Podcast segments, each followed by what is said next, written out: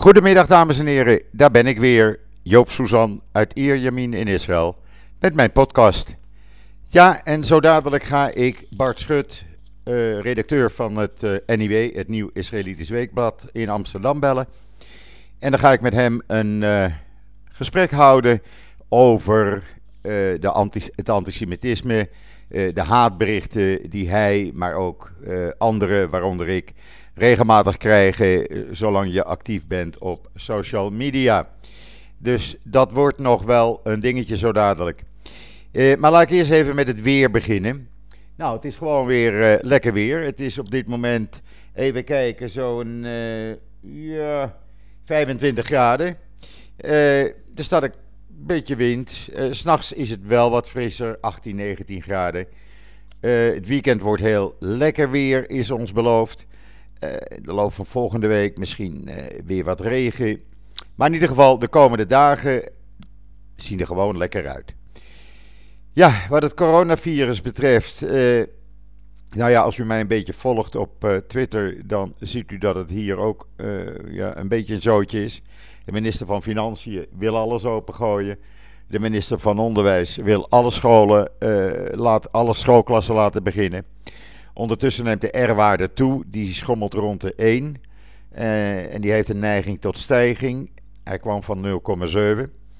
De minister van Gezondheid, Volksgezondheid, zegt: We moeten ons houden aan het stappenplan. Netanyahu zegt: Nou, de stappenplan 8, we hebben wel negen stappen bedacht.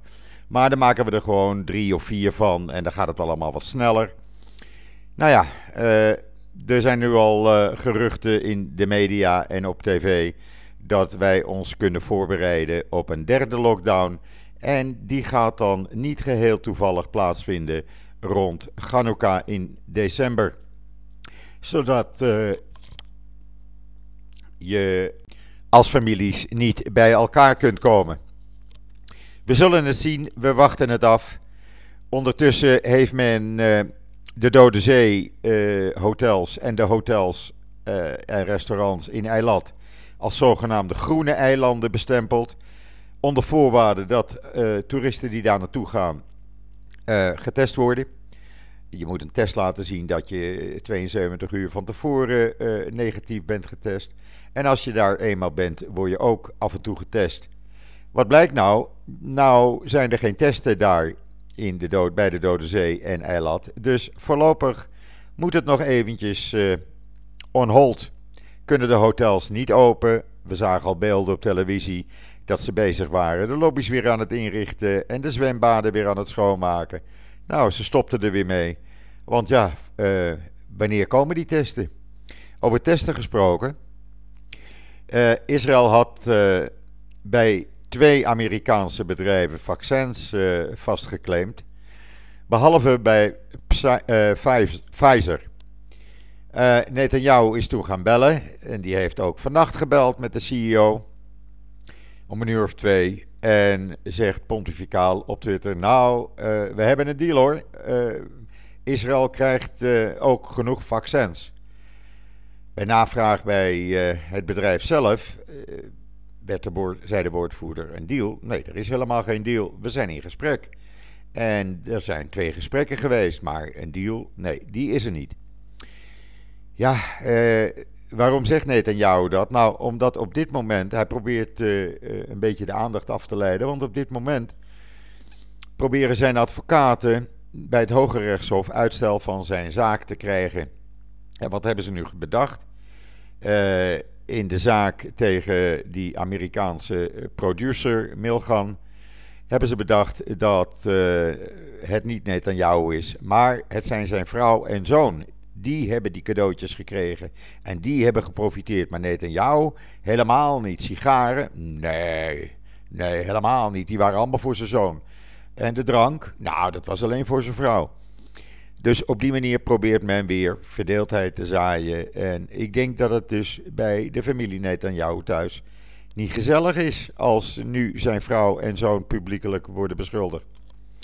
Maar goed, dat zijn uh, verder mijn zaken niet. Ik zie het in de media verschijnen. Het staat er vol van. En uh, ja, uh, waar ik me ook over verbaas. En dan ga ik zo Bart even bellen. is het feit dat de bibliotheken hebben besloten alle Zwarte Piet boeken uit de bibliotheken te halen. Houd nou toch eens op. We hebben het over een kinderfeestje, elk jaar weer hetzelfde. En dat een hele bekende treitervlogger, die uh, ook niet vies is van antisemitisme, die door Rutte als tuig van de richel is benoemd. Nou, als je zo er gekleurd op staat, dan heeft de NPO wel een baan voor je. En mag je programma's gaan maken bij NPO 3, want zo werkt dat in Nederland schijnbaar. Nou ja, eh, neem het voor kennisgeving maar aan.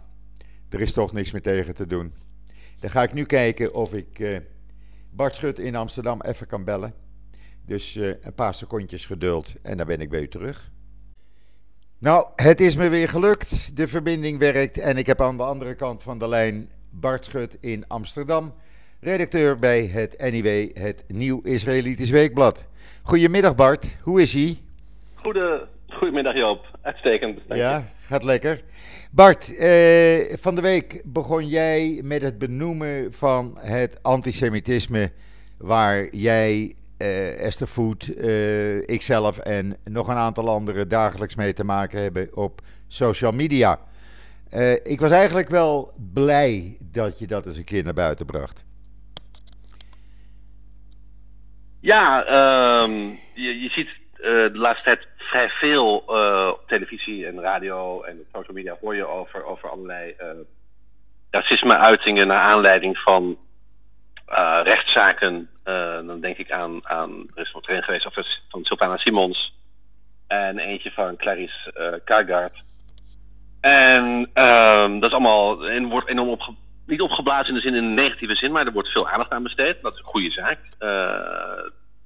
Als je dat doet, dan zit je ook dezelfde avond, zaten ze vaak nog bij um, op één of bij Dit is M of welke talkshow dan ook, of bij Jinek. Dat is allemaal hartstikke goed. En toen was er ook nog de, de, de affaire dat de NOS zijn uh, stickers moest halen van zijn busjes vanwege bedreigingen. Die waren weinig concreet, maar ja. dat is ook een schande natuurlijk. Ja. En toen dacht ik bij mezelf van ja, dat is allemaal, allemaal heel goed dat daar aandacht voor is. En het is allemaal uitstekend dat dat uh, belicht wordt. Maar uh, mensen lijken toch veel minder geïnteresseerd in het feit dat het uh, Nieuw Israëlitisch Weekblad, het NIW, het oudste nieuws- en opinieblad van Nederland, al vijf jaar op een geheim adres zit. Ja. Met bedreigingen. Ja. He, dat is wel echt wat anders dan, dan dat je wat stickers van je busje af moet plakken. Ja, precies. Nooit, is nooit enige aandacht aan besteed in de, in de landelijke media of in de lokale media of door wie dan ook. Dat, iedereen neemt het uh, voor zoete koek, slikt het voor zoete, zoete koek en vindt het de normaalste zaak van de wereld dat een Joods medium, ja, het is een beetje een beladen woord in deze term, maar misschien is het juist daarom wel, wel goed ondergedoken zit. Ja. Uh, zoals het ook al helemaal niet meer gek vinden dat er van die cameratoezicht is, vroeger had je van die politierokjes, bij Joodse instellingen. Dat het helemaal niet gek vinden dat er een gigantisch hek staat om het Joods bijzonder onderwijs in ja. Amsterdam. Ja.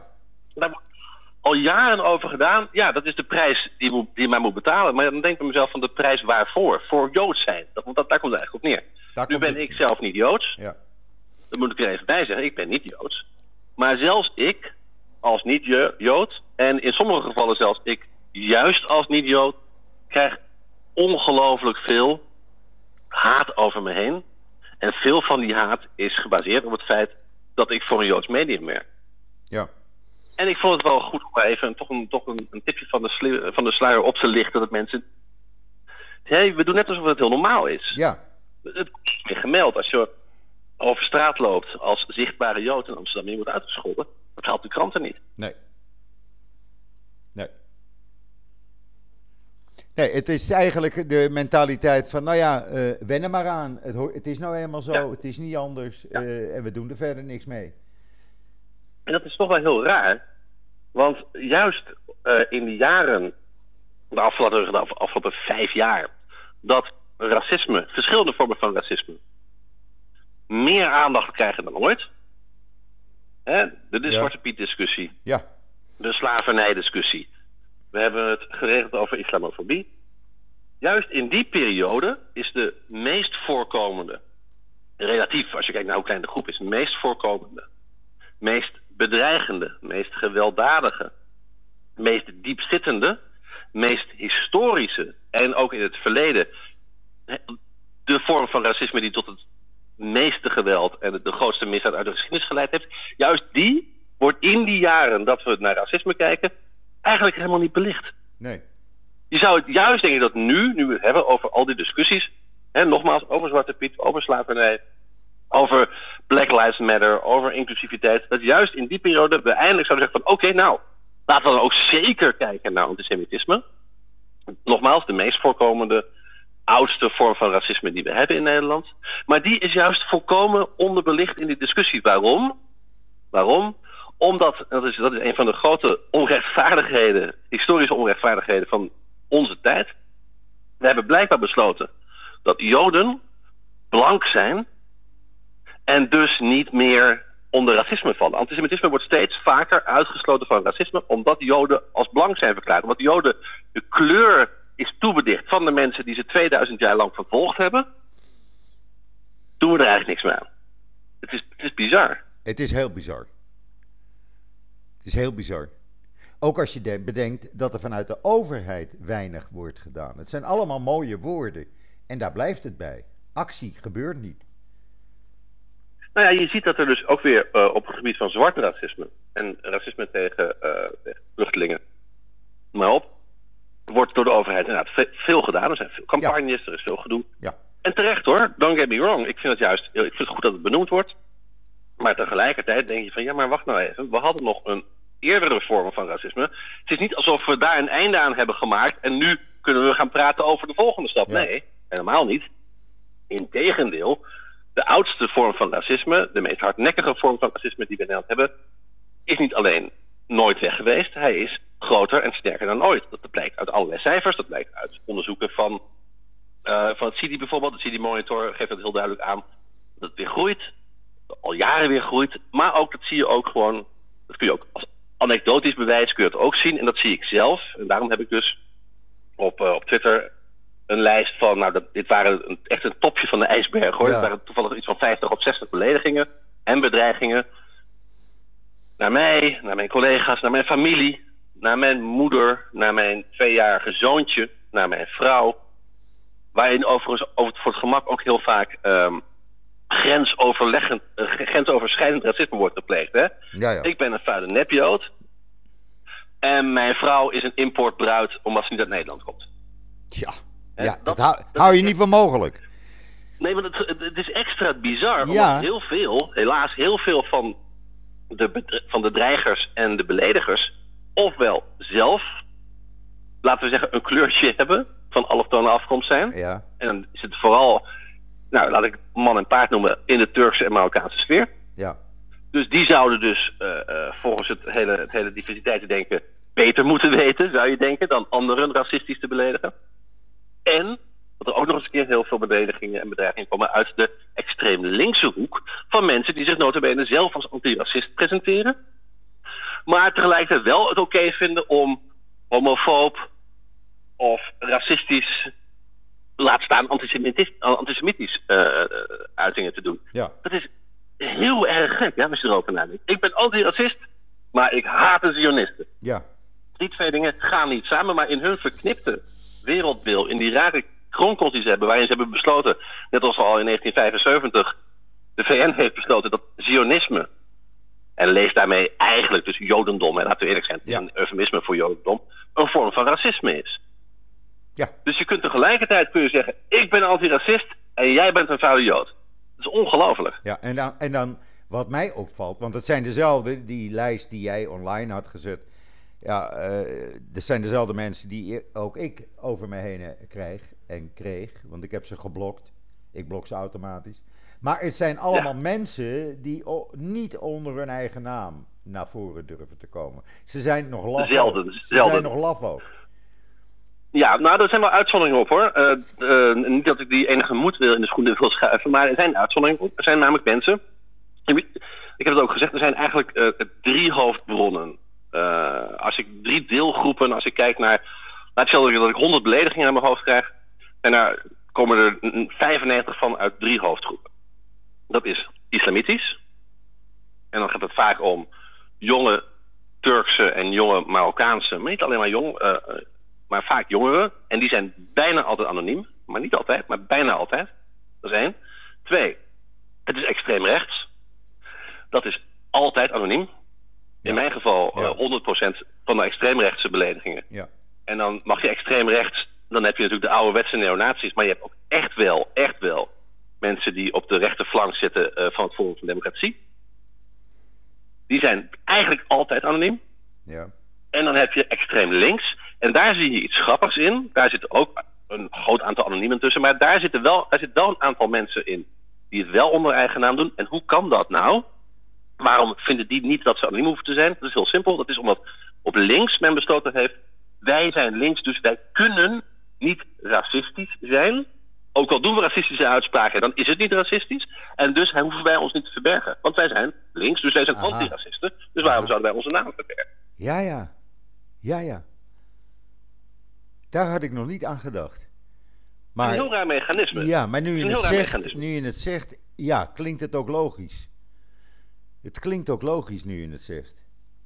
Ik ben antifascist. Ja. Dus waarom, waarom zou ik mijn anonimiteit, eh, eh, waarom zou ik anoniem zijn? Ja. Ik hoef niet. Nee, Dus ik ben gewoon die en die, ik ben zus en zo, ik ben meneer X. ja. En ja, ik vind, en ik zeg ook niet dat eh, alle Joden dood moeten. Ik zeg niet dat de Holocaust niet heeft plaatsgevonden. Maar ik vind wel dat Israël een, een, een kolonialistisch leugen, imperialistisch leugen, apartheidsbezetting en genocide leugen, leugen, leugen is. Ja, omdat men dat niet kan. weet, men weet namelijk niet wat er hier werkelijk in Israël zich afspeelt. Men heeft geen Nee, flauwe nou, notie nee, men van hoe die niet. maatschappij in elkaar zit hier. Nee, men heeft geen flauw idee. Nee, Dat is logisch. Eh, maar dat, maar dat, luister, dat, is, dat heeft een racist nog nooit tegengehouden. Hè? De meeste racisten, de meeste antisemieten zijn er nog nooit een Jood tegengekomen. En eh, racisme is vaak het ergst in gebieden waar geen zwarte wonen. ja, Hè? Wat, Ja. we niet, wat, niet, wat, wat onbekend is, wordt gevreesd en daardoor gehaat. ja, Dus dat heeft nog nooit een racist tegengehouden, een gebrek aan kennis. Integendeel, het- een gebrek aan kennis is in veel gevallen een voorwaarde voor racisme. Niet altijd, maar vaak wel. Dat Ja, geldt ja. voor antisemitisme natuurlijk net zo, net zo goed ja, laten we eerlijk zijn. Ik bedoel, je, je krijgt beledigingen uit, uit van, van, van personen waarvan je gewoon 100% zeker weet dat ze nog nooit een Jood hebben gesproken in hun leven. mhm, 100%. Ja. Ik denk dat al die, al die puisterige Turkse pubers die eh, mijn moeder willen verkrachten, Ja. letterlijk, hè, mijn moeder willen verkrachten, ja, ik zag het. Ik die, zag mijn, die een junk willen afsturen op mijn tweejarige zoontje. Die mij een kogel door mijn kop willen jagen. Die alle joden aan het gas willen hebben. Die vinden dat de holocaust nooit heeft plaatsgevonden. Noem het maar op. Ik kan je vertellen dat 99% van die jongens... Ik denk dat het jongens zijn. In het grootste deel van de gevallen. Ik denk dat die 99% van hen nog nooit met een jood gesproken heeft. Hij zou niet eens... Hij weet, ze weet niet eens echt wat een jood is. Nou, daar, daar kan je wel eens gelijk aan hebben. Daar kan je best wel eens gelijk Ik weet of je, of je de nieuwe Borat-film gezien hebt. Nog niet. Ehm, Hij staat nog op mijn lijstje. Maar de manier waarop Sacha Baron Cohen Borat zich uitdost, is een hilarische scène. Als je even, even door, het, door het heel dik erop liggende sarcastische antisemitisme heen prikt. En dat is niet zo heel moeilijk hoor bij Baron Cohen. Nee. De manier waarop hij een synagoge in Amerika inloopt, verkleed als een duivel met vleugels en een ontzettend lange neus. En, en het, is, het is hilarisch. Eh, dat is hoe zij Joden niet helemaal zien. Dat is een, een lichte overdrijving van hoe zij Joden nog steeds diep in hun hart zien. Omdat ze, omdat ze niet weten waar ze over praten. Ja. En daarom is die scène ook overigens heel goed. Want hij komt daar twee eh, lieve oude dametjes tegen in die synagoge.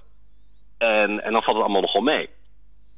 Maar dat is wel een beetje natuurlijk de gedachte. Als je, als je nog nooit in je leven met een Jood hebt gesproken, als je nog nooit een. Ik weet niet wat die Jodendom is, ik weet niet, dat kan niet wat er in Israël aan de hand is. Natuurlijk weet je dat niet. Ik bedoel, hoe kun je nou als Erdogan-fan klagen over apartheid en bezetting in Israël? Dat kan toch helemaal niet? Ik bedoel, dat is toch te debiel voor woorden.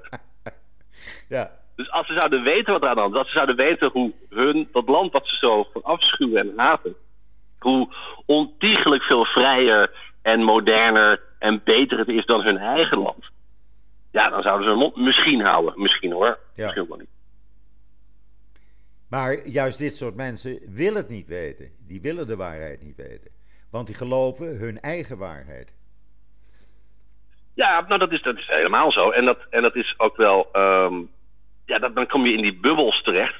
Dat woord dat tegenwoordig natuurlijk heel veel gebruikt wordt. Hè? Die, die, die, die bubbel waarin je alleen nog maar nieuws tot je neemt dat jouw beeld bevestigt. Waar je met mensen omgaat die jouw beeld bevestigen. Ja. En dat, of, dat nou, of je nou inderdaad een, een Turkse Erdogan-aanhanger bent. Of je bent een roomblanke gelover in de QAnon-complottheorie. Je ziet heel sterk, als je eenmaal in dat cirkeltje zit, dan kom je er niet meer uit. En de enige contact wat je dan nog hebt met mensen daarbuiten zijn beledigingen en bedreigingen. Ja. Ja. Ik heb ooit, ooit, toen ik nog in Nederland woonde, heb ik een gesprek gehad met een Marokkaan uh, die uit Casablanca kwam. En toen hebben we het ook gehad over uh, de haat bij sommige Marokkaanse jongeren. En toen, zegt hij, toen zei hij iets heel simpels. Hij zegt ja, hij zegt maar vergeet niet, wij in de steden, vooral Casablanca, uh, hebben, zijn omgegaan met Joden. Het waren onze buren, we zijn ermee opgegroeid. En de Marokkanen uit de bergen, de Berbers, zoals hij ze noemde, hij zegt die hebben nog nooit een Jood gezien. En die zijn degene, zegt hij, die die haat verspreiden. Dat nou, zei ik, hij ik kan dat, ik kan dat uh, verhaal voor je bevestigen, want ik heb zelf in Casablanca gewoond. Ik heb zelf in de wijk gewoond in Casablanca, waar nu de laatste, zijn er niet meer zoveel hoor, de laatste Joden van, uh, van Casablanca wonen. Ik heb in de Rue Galilei gewoond, de Galileistraat. Die heet ja. niet meer zo, die hebben ze inmiddels uh, omgedoopt. die heet nu de Rue Tahoussin. Dat is op een afstand, uh, afstand van. En ik hoorde dus, ik hoorde dus op vrijdagavond hoorde, werd er gezongen, hoorde je, liep je ja. gewoon door de straat. Ja. Was geen enkel probleem. Was geen enkel probleem. Nee, precies. En het is helemaal waar wat je zegt. In Rabat, de, wat had je het ook nog een beetje. Je had vroeger de Mela in Marrakesh. Nou, daar wonen al heel lang geen Joden meer. Maar de laatste paar duizend Joden, zijn er misschien nog 2000 in Marokko woning. Voor 80% inderdaad in Casablanca. Ja. En dat is zelden een probleem geweest. Daar heb je volkomen gelijk in. Hoewel, je moet ook eerlijk zijn en zeggen van... de aanslagen uh, die zijn gepleegd in het uh, begin van deze eeuw... is een serie aanslagen ja. geweest op Joodse doelen in Casablanca. Ja. Die kwamen wel degelijk ook uit, van daders uit Casablanca. Maar uit, uh, uit de sloppenwijken, zoals Sidi Boemen en dergelijke... waar eigenlijk hetzelfde geldt als wat, wat, wat, wat die vriend van jou zei... Uh, de, de sloppenwijken van Casablanca lijken meer op het leven in de Rif en bij de Berbers ja. dan op het centrum, het, hè, het Franstalige, modernere centrum van Rabat of Casablanca. Ja. Dat is misschien vijf kilometer afstand in, in, vijf kilometer afstand. Maar in cultuur en in tijdsbeeld is het, is het een halve eeuw achter. Ja, precies. En dan zie je precies wat jij zegt, dat klopt. Ja. Die mensen hebben natuurlijk nog nooit een Jood gezien. Nee. Die horen alleen maar de hele dag, horen ze, Arabische televisie en radio, waarin verteld wordt hoe verschrikkelijk de Joden zijn en wat ze de Palestijnen allemaal aan doen. Ja. En dat, nou ja, dat, dat is duidelijk. Dat is hun wereldbeeld. Dat is hun wereldbeeld. Dat wordt gevoed door imams. Dat wordt gevoed door uh, opportunistische politici. Dat wordt gevoed door deels door een interpretatie van hun religie. Nee, met de Koran in de hand kun je hartstikke anti-Jood zijn. Je kunt overigens met de Koran in de hand, als je het zou willen, ook hartstikke pro-Jood zijn. Ja, precies. He? Want in de Koran staat, en ook de profeet heeft gezegd, dat Israël het land van de Joden is. Ja. He, je kunt met de Koran in de hand, kun je een, kun je een Zionist zijn. Ja. Er zijn niet zo heel veel, maar, maar het kan wel. heel goed te verdedigen. Ja. Ja. Je kunt moslim-Zionist zijn. Er zijn ook een paar moslim-Zionisten die dat ook zeggen. Die zeggen van, hé, hey, als jij serieus neemt ons geloof... als jij het woord van Allah serieus neemt... dan moet je eigenlijk zeggen, ja Joden, Israël komt jullie toe... want dat heeft God letterlijk zo gezegd. Ja. Alleen, je kunt tegelijkertijd ook andere dingen eruit pakken... en die zijn hartstikke anti-Joods. Maar dat geldt natuurlijk voor elk, bijna voor elk uh, groot religieus boek. En wat doen de imams op dit moment? En wat doen de predikers op dit moment? Vooral de buitenlandse predikers. En wat doen op dit moment allerlei opportunistische politici... die gebruiken het deel wat zegt van... de Joden zijn slecht. De Joden zijn de afstammelingen van apen en varkens. De Joden vermoorden ons volk. Noem maar op. De Joden hebben de, de profeet uh, een mes in de rug gestoken in de tijd. Al die flauwekul. Ja. Ja, dat is... En dat, dat, dat, dat valt dan in, in, in gewillige aarde als je dat maar, als je dat maar blijft herhalen. Dag na dag, maand Ja. na maand, jaar na jaar. Ja, dat valt wel, dat valt wel in goede aarde. Ja, dat is precies wat eh, bijvoorbeeld de Palestijnse leiders constant doen. Eh, het, het, het gebruiken van zeg maar, de anti-Joodse, anti-Israëlische eh, retoriek. Eh, om op die manier Israël van alles en nog wat de schuld te geven. Als het licht uitvalt in, in Ramallah, dan ligt dat, komt dat door Israël. alles wat er fout gaat, ligt aan Israël. En dat, dat zie ja, je dan dus... moet ik heel eerlijk zeggen, even, even op. Ja? Ik wil me niet per se onpopulair bij je maken, maar jij wordt niet, jij wordt niet onpopulair bij mij. Ze hebben niet altijd 100% ongelijk. Hè? Laten we ook weer niet even helemaal. Maar laten we nou niet, ook niet doen alsof Israël de, de, de, de meest fantastische vlekkeloos morele staat is in zijn behandeling van de Palestijnen. Laten we daar, daar, ook. Nee, uh, daar kan je, in sommige gevallen kan je daar best vraagtekens bij zetten. En die doe ik ook. Ja, die zet ik ook. Best. Die zet ik en dat ook. doe jij ook, dat doe ja. ik, dat doe jij. En dan, en dan worden wij weer gezien als verraders van de andere kant. Ja. Oké, nou dat moet dan maar. Nou ja, als je kritiek hebt. Uh, ja, ja, als je kritiek hebt, dan, ja, dan, dan zijn er altijd mensen die vinden dat, ja, dat jij fout bent. Ja, en die willen dan nog net mijn moeder niet verkrachten. Nee. Maar kunnen ook behoorlijk, behoorlijk stevig uit de kast komen. Hoor. Laten we eerlijk zijn. We worden, Ja. jij, jij bent volgens mij ook al landverrader genoemd. Ja, ja ik heb En, en op, ik ben eh, verrader van het Joodse volk, hoewel ik geen Jood ben. Ik weet niet hoe dat precies werkt. Ja, nou ja, men vindt, maar- men vindt als, als wij schrijven, of als ik schrijf over de situatie rond eh, premier Netanyahu, en ik daar kritiek op heb, omdat dat Ja. gewoon uit de feiten blijkt, eh, wat er aan de hand is, en ik daarover schrijf, dan, ja, dan, dan ben ik een landverrader. Ja, Zo werd ik genoemd door een aantal Dat is mensen. ook een bubbel, hè? Denk erom. Dat Ja, ja, een ja, ja, ja, ja. is een andere bubbel. En, en daar, want daar zitten weer mensen in die alleen maar lezen wat zij willen lezen. Ja. En die zien wat zij willen zien. En wat die hun beeld bevestigd willen zien. En Ja. die ook net zo goed vriendschappen verbreken omdat mensen dingen zeggen die ze niet willen. Ja, En zo zie je dat iedereen in zijn eigen bubbel zit, helaas. Toegegeven, die mensen hebben mij niet bedreigd. En dat zullen ze ook niet gauw doen. En ze zijn over het algemeen wat minder beledigend. En ze zijn een stuk minder anoniem. Dus je mag die niet gelijkstellen natuurlijk. Hè. Denk erom, niet elke nee, nee, nee, nee, nee, nee, nee, nee. Nee, nee.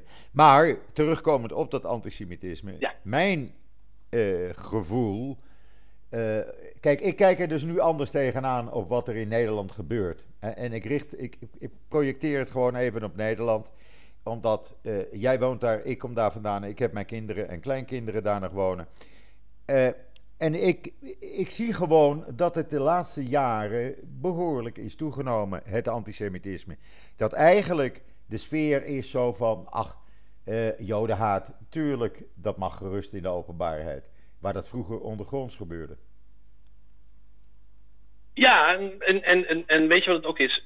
Neem nou eh, wat er van de week, eh, vorige week in Wenen is gebeurd. Hè? We weten nog steeds niet helemaal duidelijk of die aanslag nou ehm, gericht was op die synagoge of niet. Ehm, als het zo was dat die aanslag gericht was op de synagoge, vindt niemand dat meer bijzonder dan als dat niet zo was geweest. Ja, En dat is heel vreemd, hè? denk erom. ja, ja, ja. Het maakt eigenlijk niet uit in de beleving of die aanslag nou een racistische aanslag was. Gericht op, op, op Joodse synagogebezoekers, die er niet waren op dat moment, maar gelukkig. Of dat het een random aanval was op gewoon op mensen op straat. ja. Het feit dat dat al niet meer uitmaakt, zegt dat wij dus antisemitisme niet meer, of veel mensen antisemitisme niet meer als racisme beschouwen. Nee, het motief Klopt. is racistisch geweest, maar het maakt ons, geen, maakt ons helemaal niks uit. Ja, het feit gewoon dat eh, eh, orthodoxe Joden in Europa eigenlijk in geen enkel land meer met een keppel op kunnen lopen en een baseballcap eh, moeten gebruiken, dat zegt voor mij al genoeg.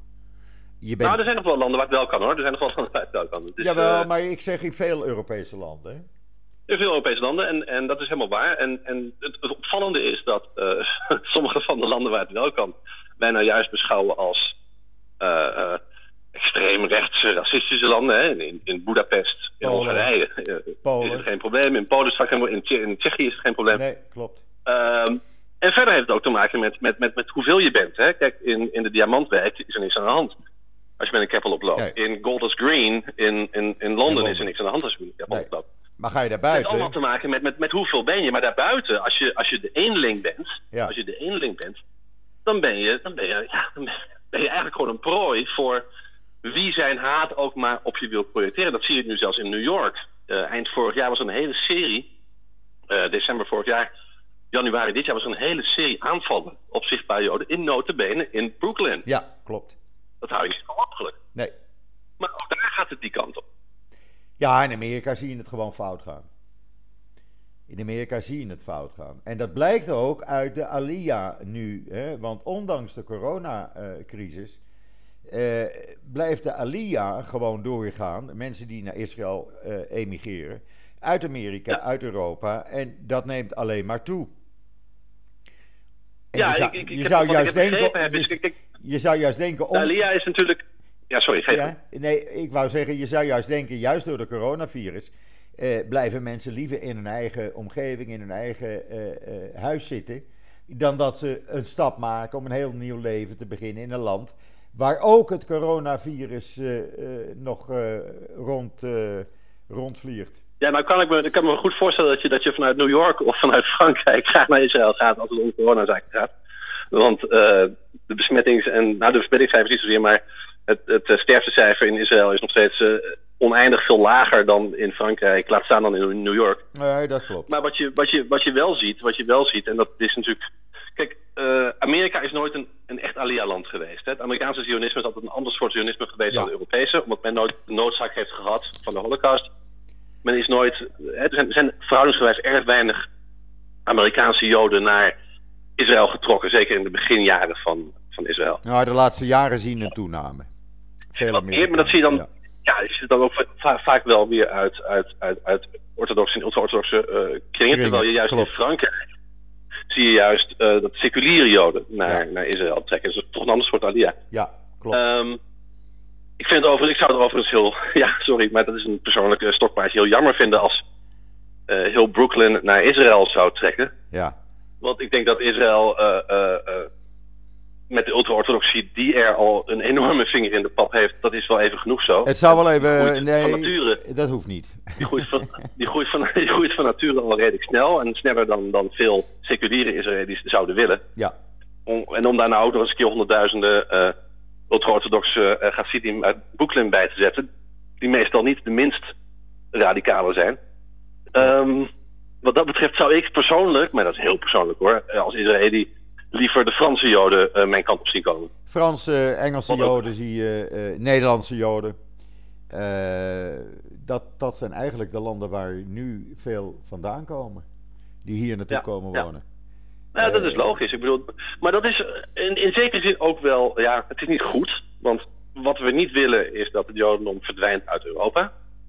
Ik denk wel dat het Jodendom verdwijnt uit Europa. Ja, ik denk dat dit op de duur wel. De laatste eeuw is. Ik denk dat het de laatste eeuw is dat er Joden in Europa Ja. leven. Klopt. We zijn nog vroeg in de eeuw, dus het kan nog alle kanten op gaan. Maar ik, Nou, nee. Als het zo doorgaat de ontwikkeling is niet bepaald positief. Nee, nee, klopt. Klopt. Ehm, en dat is heel erg. Aan de andere kant is dat wel, godzijdank, is dat waar Israël voor bestaat. Absoluut. Namelijk dat vangnet, als het niet meer gaat in de landen waar je woont, kun je in ieder geval ergens veilig zijn. Klopt. Of relatief veilig in ieder geval. En Klopt. dat is Israël. Daar is Israël voor bedoeld, daar is Israël voor, Ja. voor opgericht. Ja. En daarin vervult Israël dus zijn, zijn oorspronkelijke doel. Maar het is natuurlijk een tragedie, een, ongelofelijke tragedie, dat wij nu zien, en dat, dat, het, is, het, is bijna, het is bijna onvoorstelbaar. Hè? Joods Europa heeft de Shoah overleefd. Maar gaan wij niet overleven de vrije, fijne 21ste eeuw? En met wij bedoel ik Europa als geheel. Hè? Want Ja, ja. Ja, ja. ik, ik zie de Joodse gemeenschap in Europa niet als iets vreemds. De Joodse gemeenschap hoort en past in Europa. Heeft dat ook al, is ook al bijna 2000 jaar in Europa, hoort hier te zijn, is volkomen autochtoon. Hè? Absoluut. Zijn volkomen autochtoon. En dat zie je, dat is heel. Ik, ik las van de week iets heel geks in het parool, waarin Robert Vuistje DNA-onderzoek had gedaan en zei: Ik ben 100% Joods en helemaal niet Nederlands. En toen dacht ik van, hè, is er dan een... Ja, dat kan niet. je Dat kunt kan blijkbaar niet Joods en Nederlands tegelijk zijn. Is dat dat is raar. Ik heb mij, eh, en nog steeds, ik ben Nederlander die Joods is. Ja, Zo zit het en, gewoon en, voor en mij dat, in is, dat, is, dat is de meest normale zaak van en de dat, wereld. zo redeneren de Het meeste. Jodendom die in Europa is geen, is, geen vreemdkörper, zoals ze Nee, zeggen. Het is geen- precies, precies. helemaal niet. Het is, het, Nee. is, het is zo Europees als welke andere identiteit dan ook. Ja, maar je En kan heel simpel redeneren. Maar je kan heel simpel redeneren, Bart. Het Jodendom is langzamerhand aan het verdwijnen in Europa door de influx van uh, mensen uit, laten we zeggen, het Afrikaanse continent. continent. Ja, ik vind het, sorry Job, ik vind het iets te makkelijk. Ik, uh, ik, ik, ik, dat, dat, is deels, deels is dat waar. Zeker. Uh, immigratie vanuit, vanuit met name Arabische en, en islamitische landen heeft, heeft uh, antisemitisme een enorme zet gegeven en enorm de wind in de zeilen gegeven. Ja, fijn. Aan de andere kant vind ik het te makkelijk, echt te makkelijk, om dat als enige, als hoofd, of in ieder geval niet als enige oorzaak te geven. Hè? Nee, het is niet de enige oorzaak. Nee, nee, nee, nee, nee. Antisemitisme is er altijd geweest, maar sluimerde aan de oppervlakte. Het kwam nooit echt naar buiten. Als kind heb ik antisemitisme meegemaakt vanaf mijn kinderjaren en ik ben nooit anders gewend geraakt in Nederland. Het hoorde er gewoon bij. Ja, maar je ziet nu wel, hè, tegelijkertijd, je noemt migratie, maar de, hè, de opkomst van het internet is wel degelijk ook een belangrijke factor. Absoluut, absoluut. Die niets te maken heeft met, met, met immigratie. Ja. En ik moet je eerlijk zeggen, um, de, de, de ommekeer, de ommezwaai van zich progressief noemende politici en stemmers, kiezers, de publieke opinie die zich progressief noemt, tegen Israël en in het verlengde daarvan helaas ook tegen het Jodendom in het algemeen, is echt niet alleen te wijten aan, aan, aan, aan, aan immigratie. Het heeft heel veel te maken met het al latent, altijd al aanwezige, aanwezige antisemitisme op links. Laten we heel eerlijk zeggen, dat is altijd al geweest. Dat was er onder Marx, dat was er onder Domela Nieuwenhuis, dat was er toen de RAF samenwerkte met Palestijnse terroristen in de jaren 80 in Duitsland. Het is altijd ja, geweest. Het is altijd geweest. En dat is nu onder invloed van deels van immigratie, maar deels ook van oude stereotypen over rijke Joden. En deels ook door het zich identificeren met de fantastische slachtofferschap van uh, de Palestijnen. Is dat heel gewoon geworden. Ik geloof echt niet dat uh, een partij als D66, die ik niet antisemitisch wil noemen, maar uh, in veel gevallen wel, laten we zeggen, zeer Israël-kritisch, overdreven Israël-kritisch, ja. kritisch, exclusief. Ja. Israël-kritisch. En dan neig je al naar het antisionistische toe. Zo'n partij doet dat niet onder invloed, volgens mij, van de influx van immigranten. Want ik weet niet of je wel eens op een D66-congres bent geweest. Nooit. Maar je kunt ze met een echt, nou, dat moet je vooral niet doen, maar je kunt met een, als je een lantaarn bij je hebt, kun je er af en toe een niet roomblank gezicht uithalen. Die partij is zo blank als het maar kan. Dat is overigens GroenLinks, een misschien nog wel antisionistische partij, ook. Ja. Het is een door en door blanke partij. Dus daar hebben ook nooit uh, moslimimmigranten massaal op gestemd op die twee partijen. Nee. Die stemmen altijd PvdA. Ja, klopt. Hè? Ja.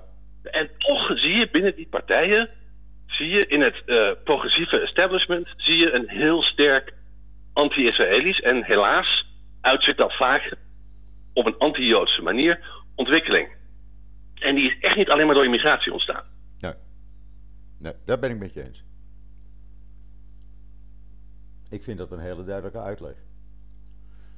Ja, ja het is eigenlijk nog helemaal geen duidelijke uitleg. Want het nou, waarom daarvan, je maakt het, beschrijf, het begrijpelijker. ja, maar het waarom daarvan blijft nog steeds redelijk ondoorgrondelijk. Vind ik. Mm, eigenlijk. moet je je voorstellen. Nou, nou, nou, wacht even. Niet echt ondergrondelijk. Want dat zijn precies wat ik bedoel. Wat vroeger, toen ik kind was en in Nederland woonde. Uh, de mensen die er niet voor uh, schroomden om gewoon uh, vuile rotjo tegen je te zeggen op straat. Ja, maar het grappige is dat, dat, dat, dat, dat uh, Sigrid Kaag en Sjoerd Sjoerdsma en Jesse Klaver niet de soort de type mensen zijn geweest, vermoed ik, die vroeger uh, uh, vuile rotjo op straat zouden hebben gezegd. Nee. En daar kom ik op dat ondergrondelijke uit. Hoe kan het nou zijn dat progressieve politici volkomen gefocust zijn op wat zij zien als het onrecht in, in, in, in Israël en Palestina. Daar, daar, brengen ze hun dagen, weken, maanden, jaren mee door. En tegelijkertijd worden er een miljoen moslims in concentratiekampen gestopt in China. En er is geen haan in diezelfde groep die daarnaar kraait. Ja. Interesseert ze helemaal niks. Slavernij in Qatar interesseert ze niks. executie van atleten die protesteren in Iran. Interesseert ze niks. Nee. Turkse inval in Syrië. Turkse inval in Armenië, althans. Hè? Ja. Alongamanu, eh, via via. Ja. Interesseert allemaal niks. Nee. Onderdrukking, onderdrukking, onderdrukking. Minstens zo erg als die van de Palestijnen in eh, de regio van Israël. Ik zeg minstens zo, maar ik weet en jij weet vele malen erger. Ja. Vele malen erger. Je kunt de situatie van de Oeigoeren echt niet vergelijken met die van de Palestijnen. Absoluut niet. Maar omgekeerd evenredig is de aandacht. Ja. We zijn helemaal gefocust op de Palestijnen en we interesseren ons niks voor de Oeigoeren. En dat begrijp ik ergens wel. Als jij in het Palestijnse omveld zit, dan wil je dat jouw club de aandacht krijgt. Ja, maar, leg hetzelfde. mij nou eens uit, Ja. leg mij nou eens uit waarom bij GroenLinks men volkomen geobsedeerd is door Palestina en niemand zich interesseert voor China. ja, maar dat zie je ook bij, bij eh, UN Human Rights Watch. Het enige land wat zeven resoluties tegen zich kreeg en waar Nederland in mee voorgestemd heeft, was Israël.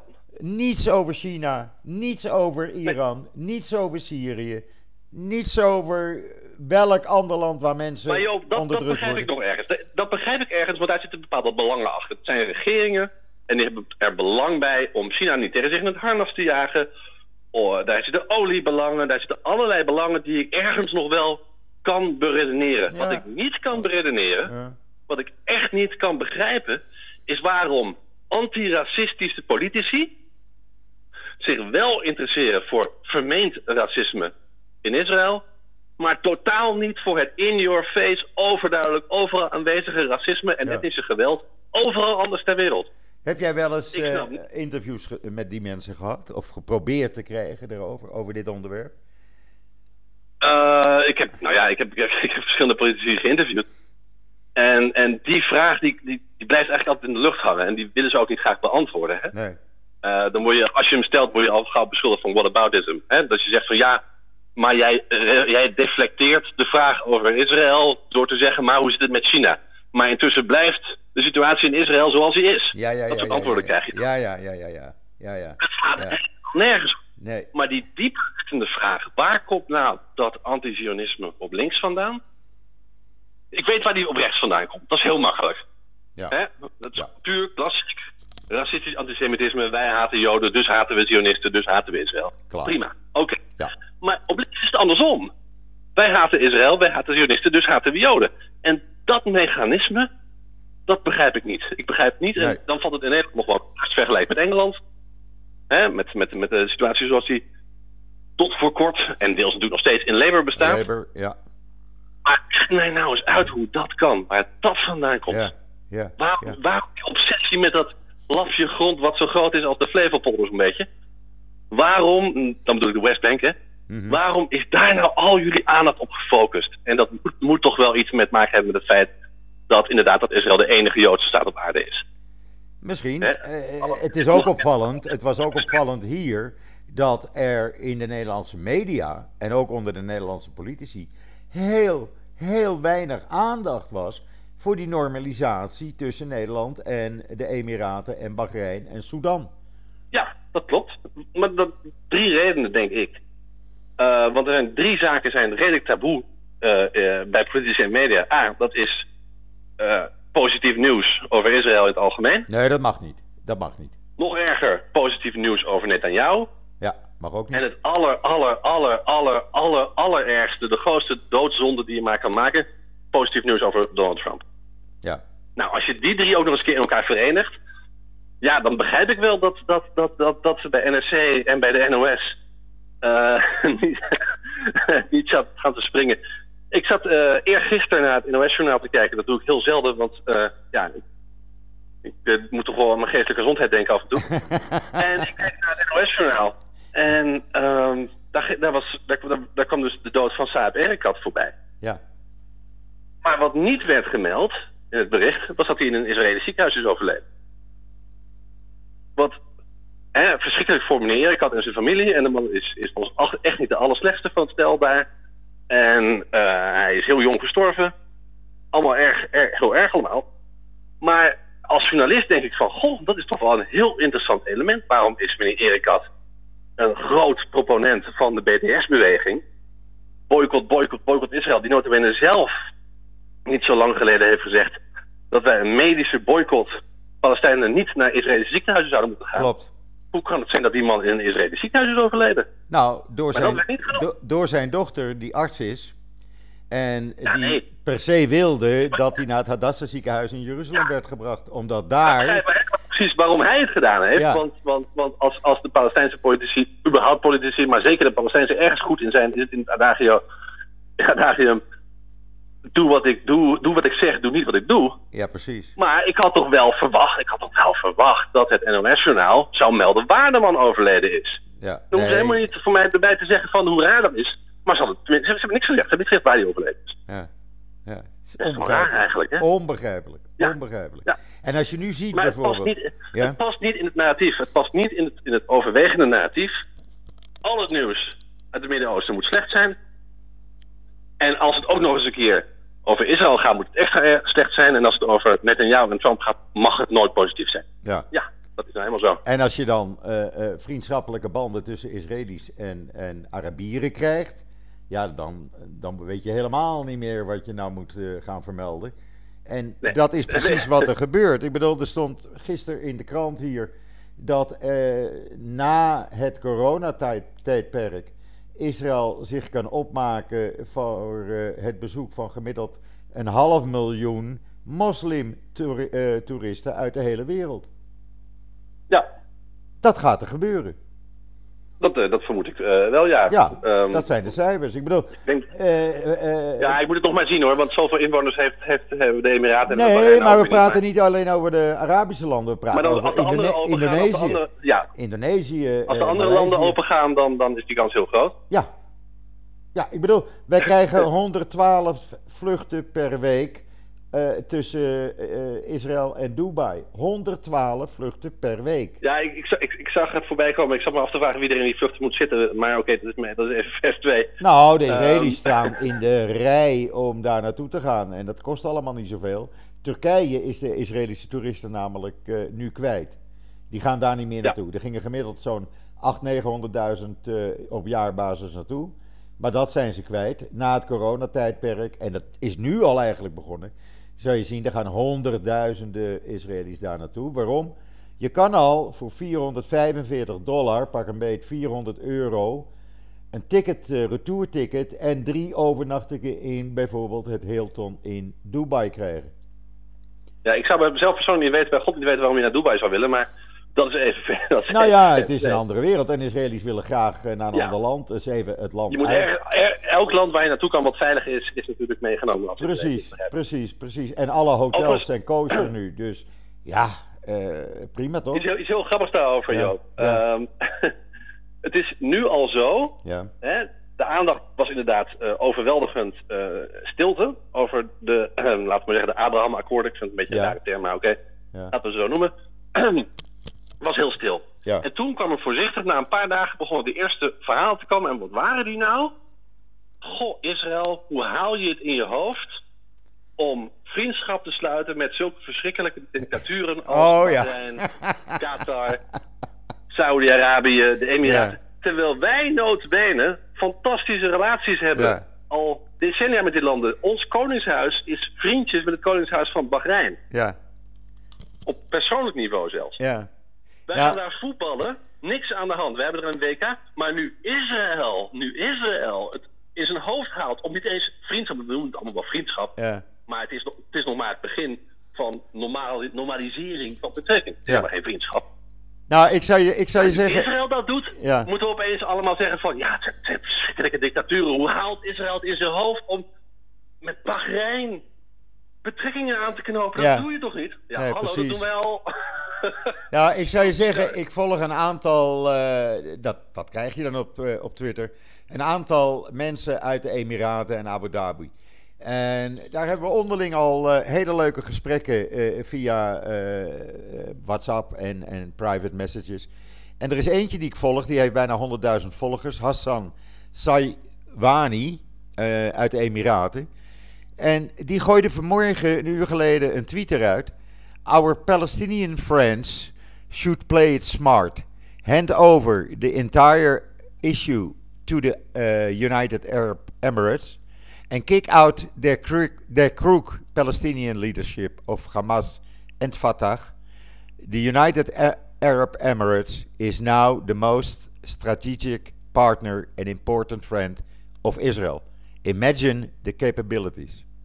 En dat vond ik een hele goeie. Daar ben ik het helemaal mee Ja, eens.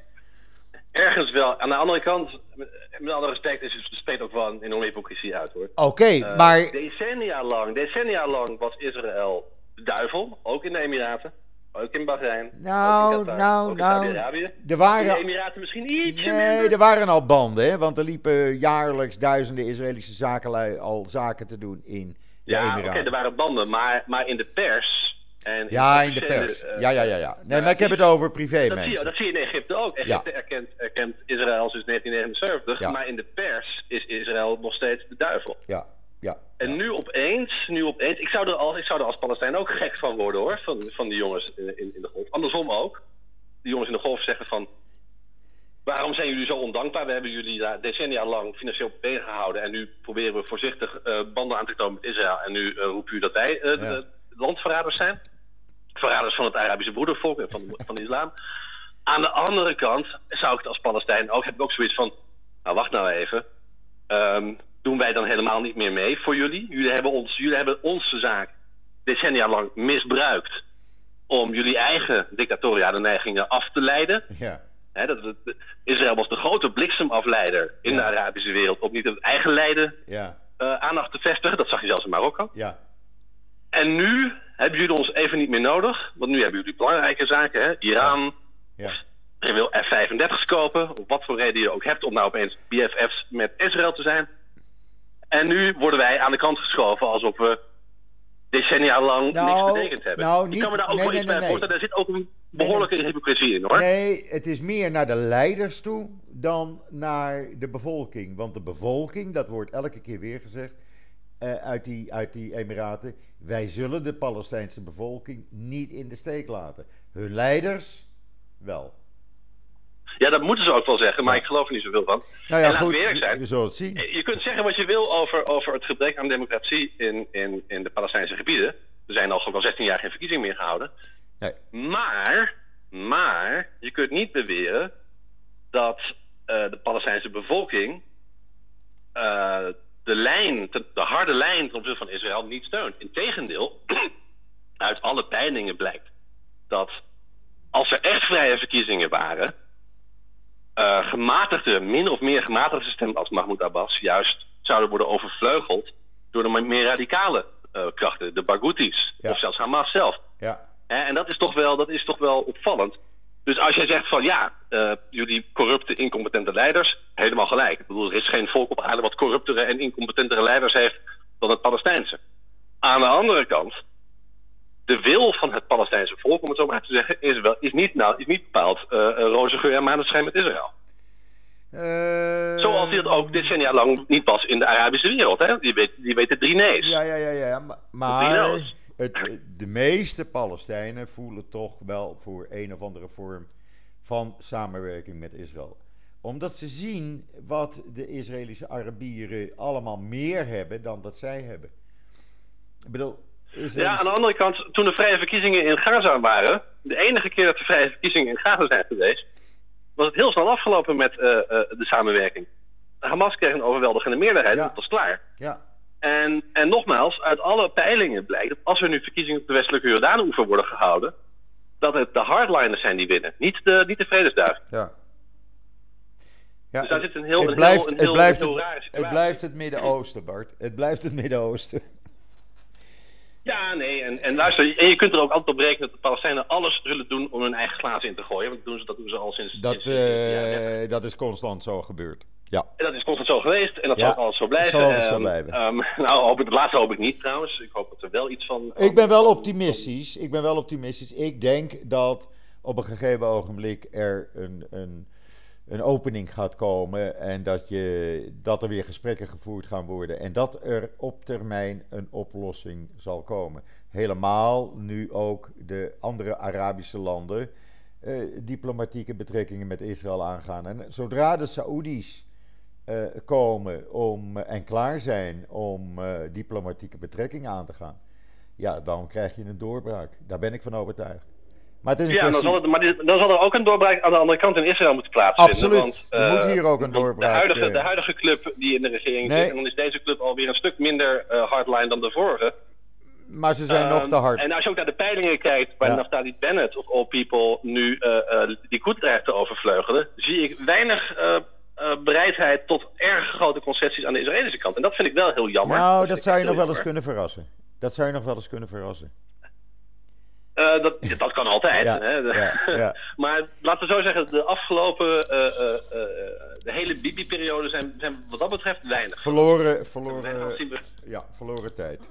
Dat is echt jammer. In, in, die, in die zin, ja, want, want dat is natuurlijk niet het enige. Hè, dat, dat vergeten wij vaak. Uh, met wij bedoel ik jou uiteraard niet, maar wij in Nederland vergeten vaak dat uh, wat we de bezetting noemen en het vredesproces noemen, dat is voor ons het enige wat er speelt in Israël. Want dat is het enige wat we over horen. Dat het gemiddelde Israël zich net zo druk maakt en meer druk maakt over of hij een baan heeft, of wat hij een huis kan betalen in Tel Aviv. Ja dat is in, in, in ons beperkte beeld, ons beperkte blik op het Midden-Oosten helemaal niet relevant. Wij denken alleen maar, er is maar, speelt maar één, één, één, één zaak speelt maar een rol in Israël en dat is de Palestijnen. Ja, en dat, speelt, en dat speelt hier helemaal niet.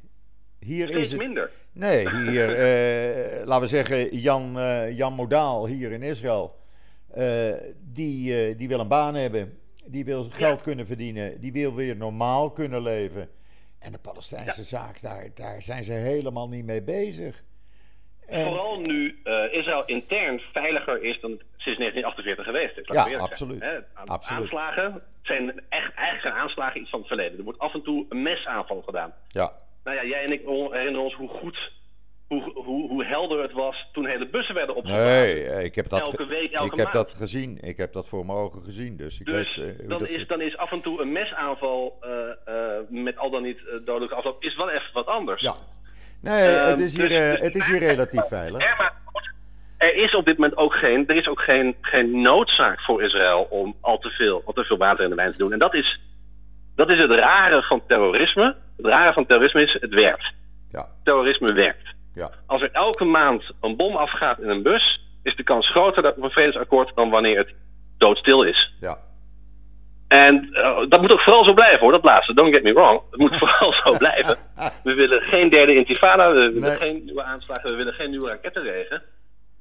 Maar daardoor, mede daardoor, mede door het succesvolle Israëlische veiligheidsbeleid, door die zo verafschuwde muur tussen aanhalingstekens, ja. wat een enorm succesvol ding is gebleken, Mede door het uh, inderdaad uitstekende optreden van de Israëlische veiligheidsdiensten. En uh, mede door de druk die nu, die nu uh, van de ketel is met allerlei buurlanden en landen die vroeger de terreur financierden. Het gevolg, dat is allemaal hartstikke goed voor Israël, maar het gevolg is wel dat het vredesproces nog vaster zit dan daarvoor wel loopt. Ja, dan zeg ik toch uh, dat dat binnenkort wel weer opgepakt gaat worden. Ik zie dat gewoon gebeuren. Ja, bent optimist. An, nou, andere regeringen in, in Amerika over, over, over, denk ook weer over, over optimisten? Wat zeg jij? Dat was het ook weer. Uh, dat je in wonderen, uh, als je niet in wonderen gelooft, dan, uh, nou ja, zoiets was het. Ik weet het niet. Ja, nou ja, ik ben altijd, ik ben altijd positief geweest. Ik heb ook altijd gezegd, wat er nu gebeurt tussen de Arabische landen en Israël, dat dat zou gaan gebeuren. En dat zou van de hele regio een paradijs gaan maken. En je gaat dat meemaken over een tiental jaren is dit het mooiste en rijkste gebied, het Midden-Oosten, van de hele wereld. Waar de hele wereld oh, zich... daar helemaal niks van. Oh nee, nou, je zal, het, je zal het gaan meemaken. Waar de hele wereld blijft vechten, zal je hier, uh, hier alleen maar uh, ja, een fantastische ontwikkeling zien. Ik, ik, ik, denk dat er in Teheran nog wel wat mensen zijn die, die, die het daar niet helemaal mee eens zijn. Nou, over Teheran gesproken, Trump heeft nog 70 dagen. En daar wil ik het dan bij laten. Als je begrijpt wat ik bedoel. Nog maar 70 dagen wil ik daarvan maken, Joop. Ja, oké. Okay. Dus, uh, maar je weet. we misschien van mening over. Je weet nooit wat hij in die 70 dagen gaat doen. Nou, dat is, dat is een feit. Alleen ik denk dat op dit moment zijn prioriteit uh, uh, niet op het Midden-Oosten gericht is. Ik weet het eh, niet. Andere, Ik weet het niet. heeft hij andere dingen aan zijn hoofd. Ja, het, het, het, Namelijk het stelen. Hij, hij, hij is te, te druk met het stelen van een... ja, maar het vervangen van de minister van Defensie baart mij zorgen. Ja, dat, dat terecht. Dat moet Ja. je ook zorgen baren. Want Door een jaar, door in een jaar ieder ander land op aarde, als je de drie volgende stappen hoort. Ik accepteer de uitslag van de verkiezingen niet. Eén. Ja, ja. Twee, het is zoveel fraude, ik blijf gewoon president. Drie, ik begin de minister van Defensie en de generaals te vervangen. Dat is in overal ter wereld is dat het begin van de staatsgreep. ja, precies. Dus daar mag iedereen zich zorgen over maken. En daar wil ik de podcast mee eindigen. Oké, Want wij zijn een uur aan het praten. is het zo snel gegaan? Ja, Bart.